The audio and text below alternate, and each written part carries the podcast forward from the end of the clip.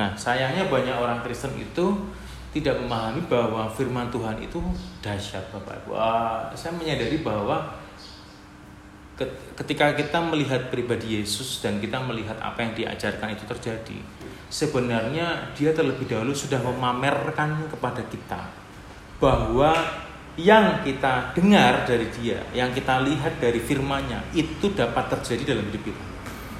Kalau keyakinan ini kalau keyakinan ini tidak menjadi keyakinan yang kuat di dalam diri kita, maka yang kita dengar dan lihat dari firman-Nya itu tidak akan terjadi Bapak Ibu. Nah, masalahnya ini harus menjadi identitas kita yang baru. Bagaimana firman Tuhan yang kita dengar dan kita lihat dari firman dari Alkitab kita itu menjadi sebuah keyakinan dan dorongan kuat bahwa saya mampu mengerjakan, melakukan sama seperti yang Yesus lakukan. Karena dia pelopor dan dia telah memamerkannya kepada kita dan sebenarnya kita mampu. Amin. Nah, saya mau kasih lihat uh, bagaimana Yesus memperlihatkan identitasnya di dalam roh. Kita buka di Yohanes pasal 4. Yohanes pasal 4 ayat 46 46 sampai 54. Nanti kita baca pelan-pelan. Saya akan uh, perjelas pelan-pelan.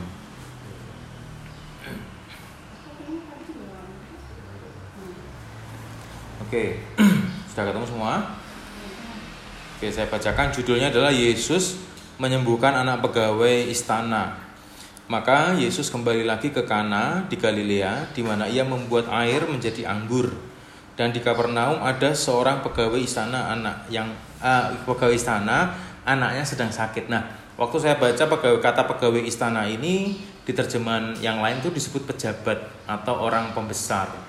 Nah, lalu ayat 47 ketika ia, ia itu pegawai istana itu mendengar, perhatikan kata mendengar bahwa Yesus telah datang dari Yudea ke Galilea, pergilah ia kepadanya lalu meminta supaya ia datang dan menyembuhkan anaknya sebab anaknya itu hampir mati. Apa yang dia dengar? Dia tidak mendengar perkataan Yesus secara langsung. Dia mendengar dari banyak orang bicara tentang siapa? Tentang Yesus. Tentang kuasa Yesus. Perhatikan Bapak Ibu. Hari ini kita terpanggil menjadi milik Kristus. Itu barangkali dulu kita mendengar bahwa Yesus itu ajaib. Dan perhatikan, hanya dari mendengar, bukan melihat. Dari mendengar, dia mampu meresponi, oh Yesus mau datang nih, saya harus siap-siap saya mau ketemu dia. Bayangkan Bapak bicara bahwa, wah, saya mendengar Pak Jokowi rencana mau datang ke sini. Wah, saya akan siapkan rumah ini. Saya akan siapkan jalannya, beritahu tetangga dan sebagainya. Nah, dari kata mendengar pun sudah memiliki energi untuk untuk mengubah sesuatu, mempersiapkan diri. Nah, kita lihat ayat 48. Maka Yesus kepadanya, maka kata Yesus kepadanya, jika kamu tidak melihat tanda dan mujizat kamu tidak percaya. Nah, ini yang saya maksud Bapak Ibu. Di mana Yesus melihat di alam roh keberadaan atau identitas orang ini, yaitu kamu itu adalah orang yang tidak percaya kalau nggak melihat. Sedangkan Yesus bilang ke para muridnya, ke murid-muridnya, waktu dia habis bangkit dia bilang apa? Berbahagialah orang yang tidak melihat, yang percaya, meskipun tidak melihat. Jadi Yesus mau menonjolkan bahwa ketika Kristus di dalam diri kita, iman itu sudah cukup. Tanpa harus melihat, tanpa harus e, bertemu tatap muka. Oh Yesus nggak nggak nyata, kan dia nggak ada. Iman itu cukup percaya meskipun tidak melihat dan itulah identitas orang ini, pegawai pejabat ini, pegawai istana ini di dalam roh.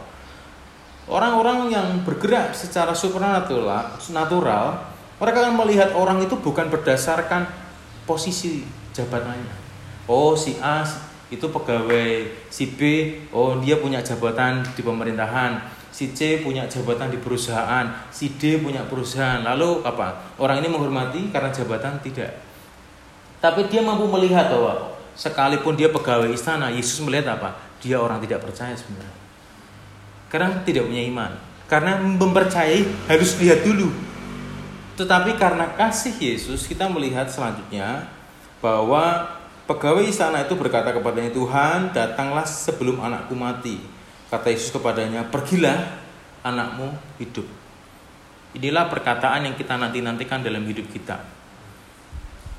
Yaitu apa? Yesus berkata memberi instruksi kepada kita. Karena waktu dia memberi instruksi, maka yang terjadi adalah sesuai apa yang dia katakan. Nah, kita selesaikan pembacaannya dulu. Pergilah anakmu hidup. Orang itu percaya akan perkataan yang dikatakan Yesus kepadanya lalu pergi. Ketika ia masih di tengah jalan, hamba-hambanya telah datang kepadanya dengan kabar bahwa anaknya hidup. Ia bertanya kepada mereka, pukul berapa anak itu mulai sembuh? Jawab mereka, kemarin siang pukul satu demamnya hilang. Maka teringatlah ayah itu bahwa pada saat itulah Yesus berkata kepadanya, anakmu hidup. Lalu ia pun percaya, ia dan seluruh keluarganya. Dan itulah tanda kedua yang dibuat Yesus ketika ia pulang dari Yudea ke Galilea.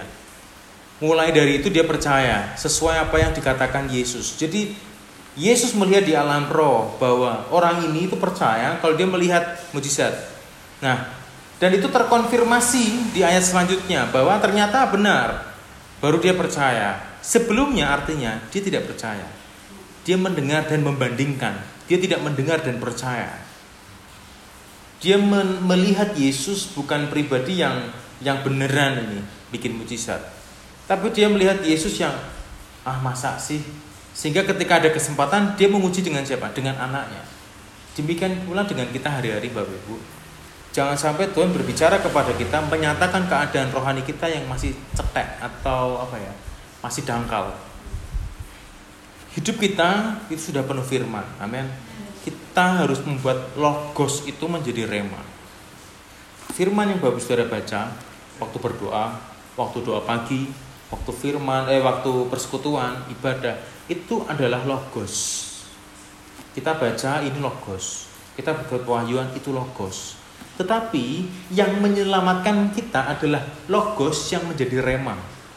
Apa itu rema? Rema itu firman yang kita lakukan. Contohnya seperti ini. Uh, kita buka di Matius. Matius pasal yang uh, sudah sebentar sebentar tadi saya sempat baca eh.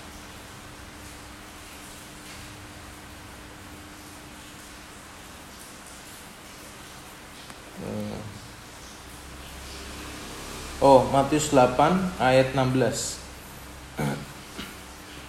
Matius 8 ayat 16. Nah, kita akan melihat bagaimana rema itu menjadi sebuah kekuatan di dalam kehidupan orang percaya sebenarnya. Matius 8 ayat 16 dikatakan menjelang malam dibawalah kepada Yesus. Siapa yang dibawa kepada Yesus? Banyak orang yang kerasukan setan. Artinya lebih dari satu ya. Banyak kata banyak.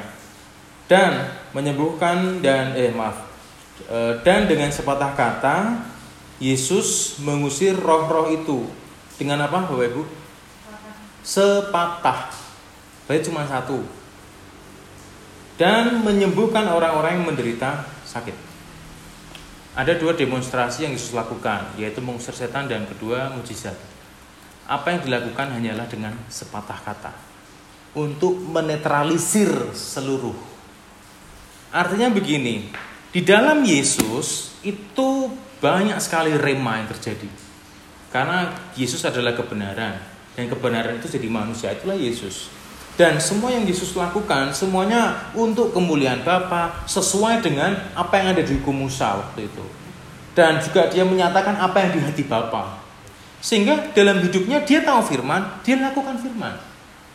Nah, waktu dia melakukan firman, maka rema yang keluar dari mulutnya ini ini mengacaukan semua apa yang iblis bangun. Jika Bapak Saudara dan saya hari ini kita hidup di dalam rema. Amin maka ngomong sama orang sakit sembuh itu sembuh Ada orang terus kerasukan, ada orang diganggu setan dan sebagainya. Kita bisa katakan pergi. Bahkan kita tidak perlu datang ke rumah mereka. Dari rumah kita katakan, engkau orang yang, eh, roh yang ada di sana. Engkau sakit penyakit dan sebagainya. Ini adalah bagian dari logos menjadi rema. Dan ini adalah identitas kita yang baru. Jadi manusia baru itu bukan berarti hanya diperbarui akal budinya, tetapi roh dan identitasnya. Jadi identitas manusia baru bukan berarti begini, oh saya sudah dibaptis, ya secara jasmaniahnya betul, tapi secara rohnya kita harus masuk ke area itu Bapak Ibu. Sekarang kita buka di eh, Yohanes pasal 6. Yohanes pasal 6 uh, bentar. Kita akan loncat-loncat ya. Yohanes 6 ayat 35 dan 36. Kata Yesus kepada mereka, "Akulah roti hidup. Barang siapa datang kepadaku, ia tidak akan lapar lagi. Dan barang siapa percaya kepadaku, ia tidak akan haus lagi. Tetapi aku telah berkata kepadamu, sungguh pun kamu telah melihat siapa? Lihat aku, melihat Yesus. Tapi apa? Kamu tidak percaya. Inilah identitas di dalam roh mereka. Yesus melihat bahwa kamu lihat aku sebagai roti hidup, tapi kamu gak percaya. Jadi ada ada kapasitas rohani yang Yesus lihat dan itu di alam roh yang orang lain tidak paham. Nah, bagaimana kita menangkap apa yang di alam roh untuk kita? Satu melalui pewahyuan. Beberapa dari kita sudah terima pewahyuan itu sebagai sarana kita tahu bahwa di alam roh kita sedang apa ini.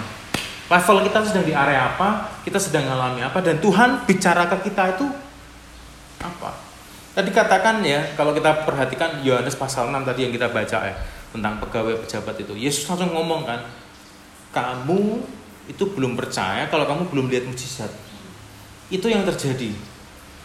Mungkin dia bilang begini, ah nggak mungkin Tuhan, nggak mungkin. Oh Tuhan tahu apa yang di dalam roh dan di hatinya. Hari ini kalau kita baca Yohanes 6, tadi Yesus lihat, Yesus bilang, maaf, Yesus bilang, Akulah roti hidup, barang siapa datang kepadaku. Siapa? Orang-orang ini pada datang ke dalam kehidupan Yesus loh. Nah, siapakah orang-orang yang disinggung Yesus ini? Ini adalah orang banyak yang mencari Yesus di ayat 22. Orang-orang yang mencari Yesus. Mereka cari, mereka cari ini. Karena apa? Mereka telah terima firman. Lalu mereka merasa bahwa ini enak. Tapi Yesus melihat di alam roh apa? Sungguh pun kamu telah melihat aku, tapi kamu gak percaya. Hari ini Bapak Saudara, kita sudah mengikut Yesus, cari Yesus. Mana nih yang Tuhan bicara? Jangan sampai kita datang dengan semangat, tapi hati kita tertinggal di belakang. Hati kita tertinggal di kehidupan lama kita. Sehingga kita nggak bisa mempercayai dan meyakini Logos itu menjadi rema dan itu menjadi keutuhan yang kita terima. Ini akan menjadi apa ya? Suatu keterlambatan dalam diri kita. Maka dari itu penting sekali kalau hari ini kita belajar bagaimana kita mempercayai firman yang kita baca. Tadi uh, sering kan pernah kita bicara bahwa dalam Tuhan tuh kita belajar jadi orang bodoh gitu. Yang kalau baca percaya percaya aja dah pokoknya jalan aja dah. Tuhan bilang apa? Ayo dah berjalan aja dah. Masih penting kalau Tuhan bicara pewahyuan kalau Tuhan yang bicara lewat hati kita. Dan belum ada konfirmasi apakah kita sanggup percaya? itu yang susah. Perlu kepekaan perlu belajar. Nah semuanya diawali tidak mungkin langsung Tuhan beri seperti itu. Pelan-pelan. Dan pewahyuan lewat peneguhan firman Tuhan lewat peneguhan beberapa orang yang ternyata terfrekuensi yang sama tanpa bicara dan sebagainya. Nah, ini ini akan adalah sebuah sebuah fenomena yang akan membuat kita melejit rohaninya. Rohani, rohani kita akan akan meningkat dari yang tidak berstature memiliki posisi rohani sampai memiliki posisi rohani yang tinggi. Uh, saya kemarin sempat ngobrol-ngobrol dengan Bu Daniel menarik sekali Bapak Ibu saya saksikan ya di sini. Uh, jadi beberapa hari yang lalu lama sekali saya sering ngobrol sama Irin uh, saya kok aku dalam hatiku kok uh, ada dorongan untuk sekolah pagi ya saya bilang gitu aku nggak tahu ini gitu rasanya kok kok ada dalam hati itu uh, sekolah lagi. Saya bilang sama Tuhan Tuhan kalau engkau berkehendak silahkan engkau memberi peneguhan. Apa memberi uh, apa ya istilahnya uh, engkau engkau engkau engkau bicara lewat yang lain bahasanya gitu. Tapi kalau ini kau tidak berkehendak ya biarkan ini jadi impian saya katakan seperti itu. Uh, sudah hari berlanjut hari berlanjut. Lalu tiba-tiba tuh uh, saya melihat uh, uh, teman saya di Instagram se seorang dosen begitu dia ngepost tentang STT-nya ada kelas nih S3 dan sebagainya. Oke saya pelajari saya tanya akhirnya saya tanya apa namanya adminnya oh, oh nominalnya sekian biayanya sekian sekian sekian. Oh ya sudah. Terakhir kapan? Sekian pendaftaran. Oh ya udah. Udah udah saya biarkan itu bapak ibu. Saya biarkan uh, saya hanya ya sudah nanti kalau Tuhan boleh ya Tuhan kasih jalan lah kemarin ngobrol-ngobrol dengan Bu Daniel gitu ternyata Bu Daniel menangkap hal yang sama aku sudah dapat dari lama dorongan ini kuat buat kamu sekolah lagi tapi aku masih nanti nanti dulu ngomongnya nggak enak bayangin dong saudara jadi kayak itu adalah cara Tuhan bicara lewat kita. Nah, saya, saya langsung saya madek gini. Oh, berarti Tuhan sedang mendidik aku lebih akurat lagi. Gak lewat penglihatan Pak. Tapi Tuhan bicara lewat hati. Dan ternyata dia mengkonfirmasi kan. Oh, lewat Dania. Nah, ini yang saya maksud tadi. Bahwa ketika kita hidup di dalam dia, jangan ada yang tertinggal di kehidupan lama. Karena kita harus maju, ketika maju semuanya maju semua instrumen diri kita, roh jiwa tubuh kita harus maju dalam aliran kegerakan Roh Kudus yang baru. Itulah sebabnya saya katakan apa? Logos harus jadi rema dalam hidup kita. Dimulai dari hal kecil itu pasti. Itu pasti. Maka dari itu jangan sampai Tuhan melihat kita yang rajin cari Tuhan, tapi dia katakan apa? Oh, kamu tidak percaya. Kamu orang tidak percaya. Oh, Bapak Ibu, itu kemunduran itu kita langsung harus introspeksi Tuhan aku mau dibenahi langsung langsung tidak boleh tidak karena itu kemunduran. Dan apa yang ada ter, apa yang ada di belakang itu akan diambil oleh si iblis. Iblis tidak tidak mau menyia-nyiakan apa yang apa yang terbuang dari kehidupan yang Tuhan bangun. Karena bagi mereka itu berharga. Apa yang Tuhan pandang berharga akan dipandang berharga oleh iblis. Makanya dia bukan nyari hewan dia cari jiwa untuk dirusak. Tuhan cari jiwa untuk apa? Untuk dibangun.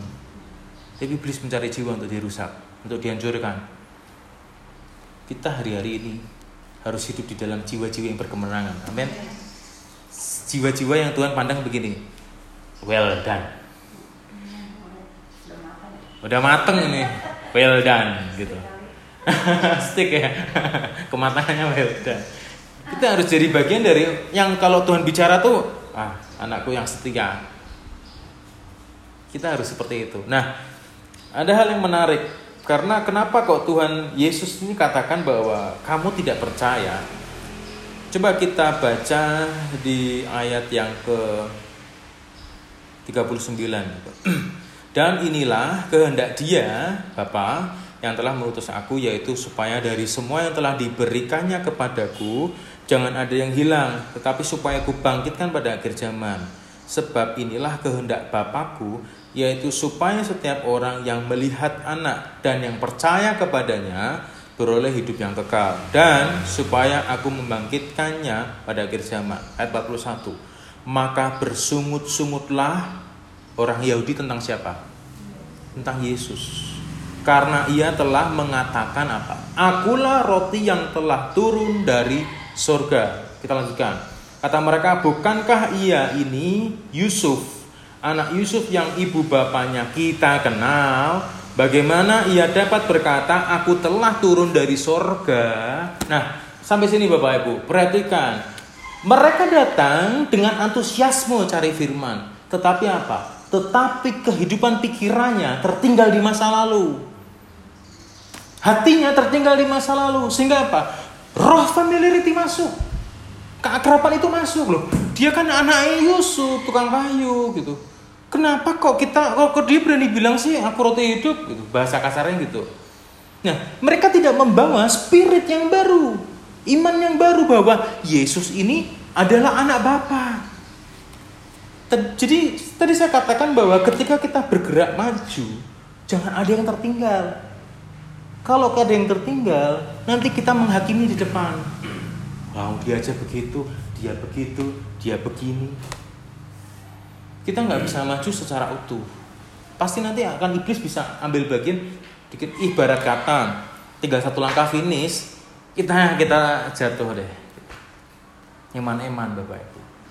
Kita jangan menghidupi spirit spirit of the familiarity atau roh keakraban. Ini materi yang saya akan bawa besok Jumat. Eh besok Sabtu maaf. Besok Sabtu. Ini adalah hal yang berbahaya. Bagaimana kita memandang orang yang dianugerahkan Bapa untuk memimpin kita itu harus ter, er, kita harus tersandung oleh karena fakta. Saya belajar banyak Bapak Ibu tentang kejadian saya dengan Bu Daniel. Yang Tuhan bicara di hati saya, ternyata Tuhan bicara di hati Bu Daniel.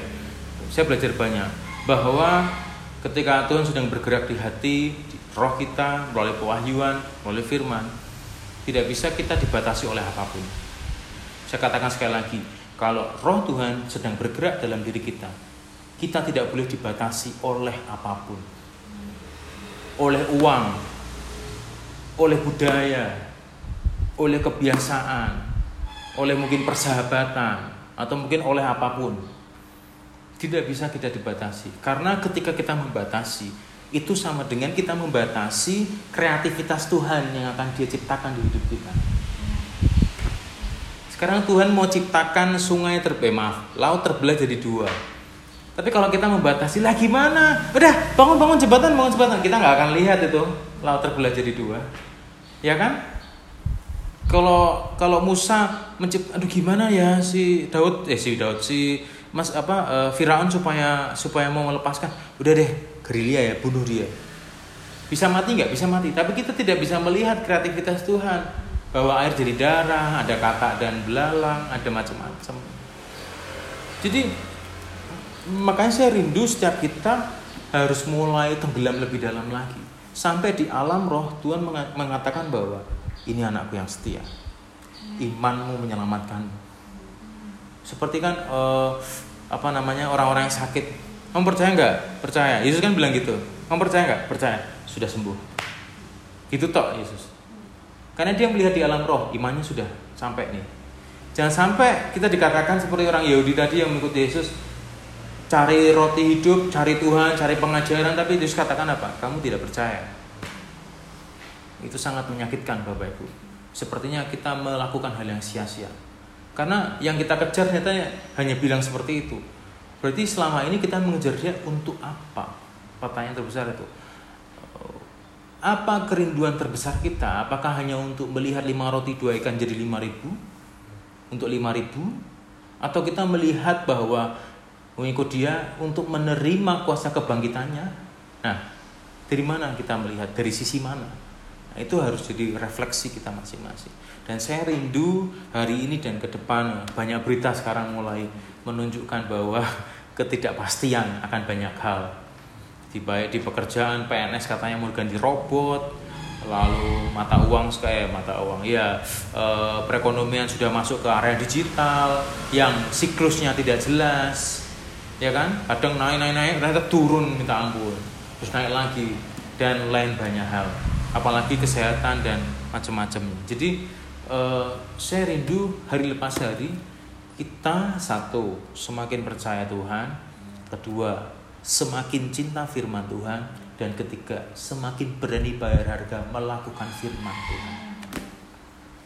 Khotbah kemarin Pak Gusinus menjelaskan tentang haus dan lapar. Waktu saya buka catatan saya ya hampir sama nih saya juga pernah bahas ini. Lalu saya mulai baca lagi catatan saya. Dan ternyata saya menemukan pada benar.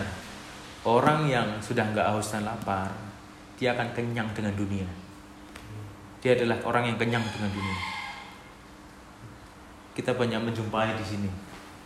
Orang-orang yang kenyang akan dunia apa yang dunia sodorkan. Mereka tidak lagi haus dan lapar akan firman. Tapi orang yang haus dan lapar akan firman.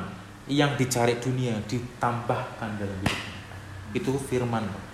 Kan firman Tuhan katakan cara dulu kerajaan surga dan kebenaran semua ditambahkan. Saya rindu kita jadi bagian orang-orang yang ditambahkan tadi. Amin, Bapak Saudara. Puji Tuhan, saya rindu firman ini semakin hidup dan memberkati kita. Amin. Tuhan Yesus memberkati.